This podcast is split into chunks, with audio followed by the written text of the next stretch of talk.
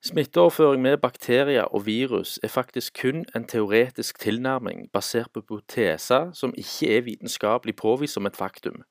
Det er og forblir en teori, eller dogma er faktisk et mer passende ord i denne sammenheng. Ta et eksempel med en barnehage hvor flere barn i en og samme avdeling får i samme perioden vannkopper. Det sies at det virus i dette tilfellet forårsaker sykdommen gjennom dråpe- og kontaktsmitte, og er jo en rasjonell tilnærming siden barn omgås hverandre i tida før sykdomsforløpet. Men som tidligere nevnt i kjappisene om bakterier og virus, er dette kun en teori uten vitenskapelig bevis for at det faktisk er tilfellet. Den vitenskapelige forskninga som har blitt gjort, henviser til at smitte ikke forekommer på denne måten, for det lar seg rett og slett ikke gjøre i praksis. Med andre ord, og kort sagt, bakterier og virus som overføres fra ett individ til et annet, forårsaker ikke infeksjon. For individ kan ha bakterier som skal forårsake infeksjon uten å være syk, på samme måte som syke individ kan være syk uten påvisning av bakterien eller viruset i det hele tatt. Det benyttes jo i denne forbindelse uttrykk som asymptomatisk og latent infeksjon hvor førstnevnte sier at sykt individ kan være smitta uten symptomer, og samtidig kan smitte andre. Mens sistnevnte, latent infeksjon, tilsier at individ ikke kan smitte andre, men kan selv få symptomer på infeksjon. Opptil flere måneder i etterkant, og til og med opptil et år, som ved rabies. Men det er viktig å forstå i denne sammenheng at disse to tilnærmingene er kun en teoretisk forklaring, på noe som ikke er forstått, og brukes når spireteorien ikke vitenskapelig kan påvise konsistente og gjentagende resultat for infeksjonsårsak.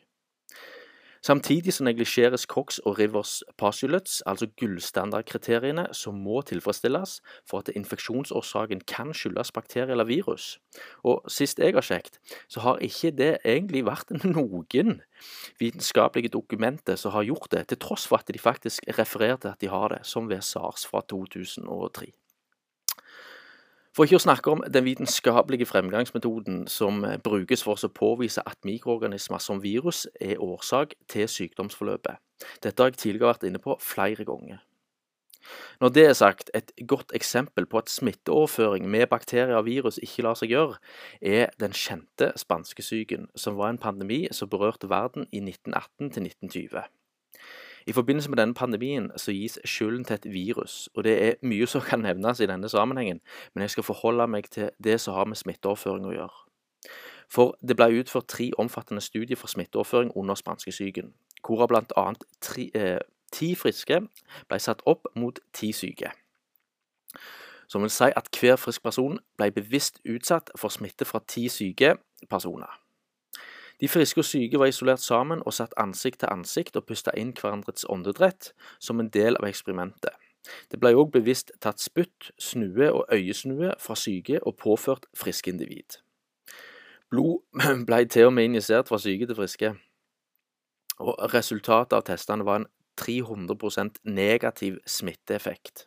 Altså smitteoverføring forekom ikke i noen av de tre eksperimentene. Dette gjelder ikke kun spanskesyken.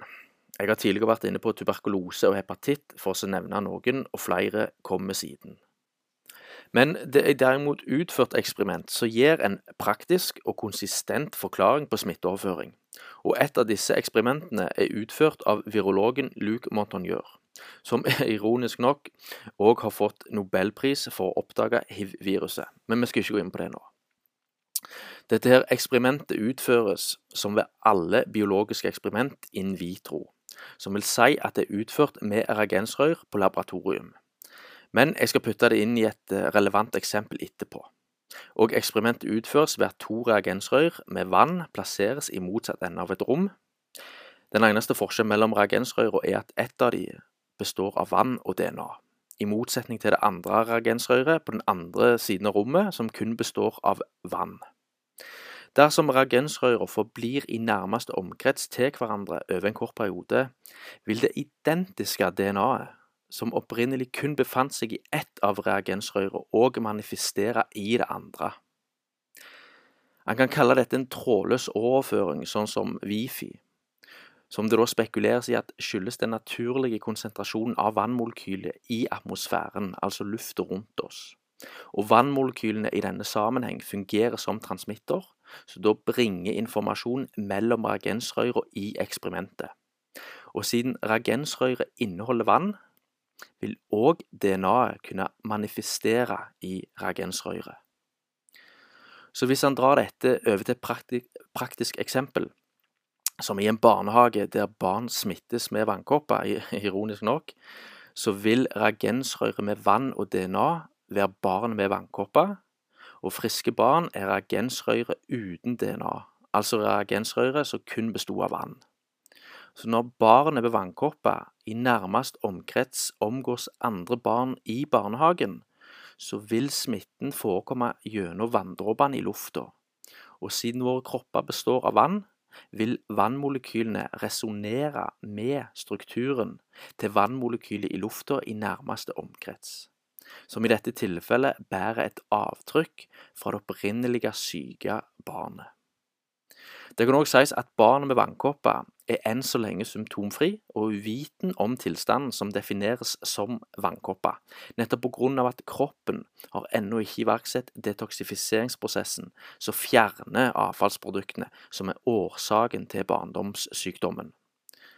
Og barndomssykdommen, som nettopp vannkopper, kan ses på som en naturlig detoksifiseringsprosess som barn går gjennom. Samtidig er det òg i dette stadiet at hudvevet er på sitt tynneste, og vil da virke eller være naturlige utvei for avfallsproduktene. Så hør eventuelt tuberkulose og hepatitt for andre eksempler. Vi mennesker har et problem med å forstå at det vi læres og blir fortalt av autoritet, ikke alltid nødvendigvis er riktig. I mange tilfeller er det utdatert teori og rett og slett ulogisk informasjon. For har du noen gang fundert over at dersom hjertet virkelig pumpa blod, ville da ikke aorta, altså hovedpulsåret til hjertet, vært stiv og rett for hvert slag hjertet tok? Ikke motsatt at den krummer seg mer jo høyere trykket er, for det er i praksis det som skjer. Og hvordan kan det ha seg at blodet stopper opp i føttene, for så å plutselig få kraft god nok til å komme tilbake til hjertet med samme trykket som det forlot hjertet med? Altså, for å si det sånn, vitenskap er ikke vitenskapelig, det er en religion.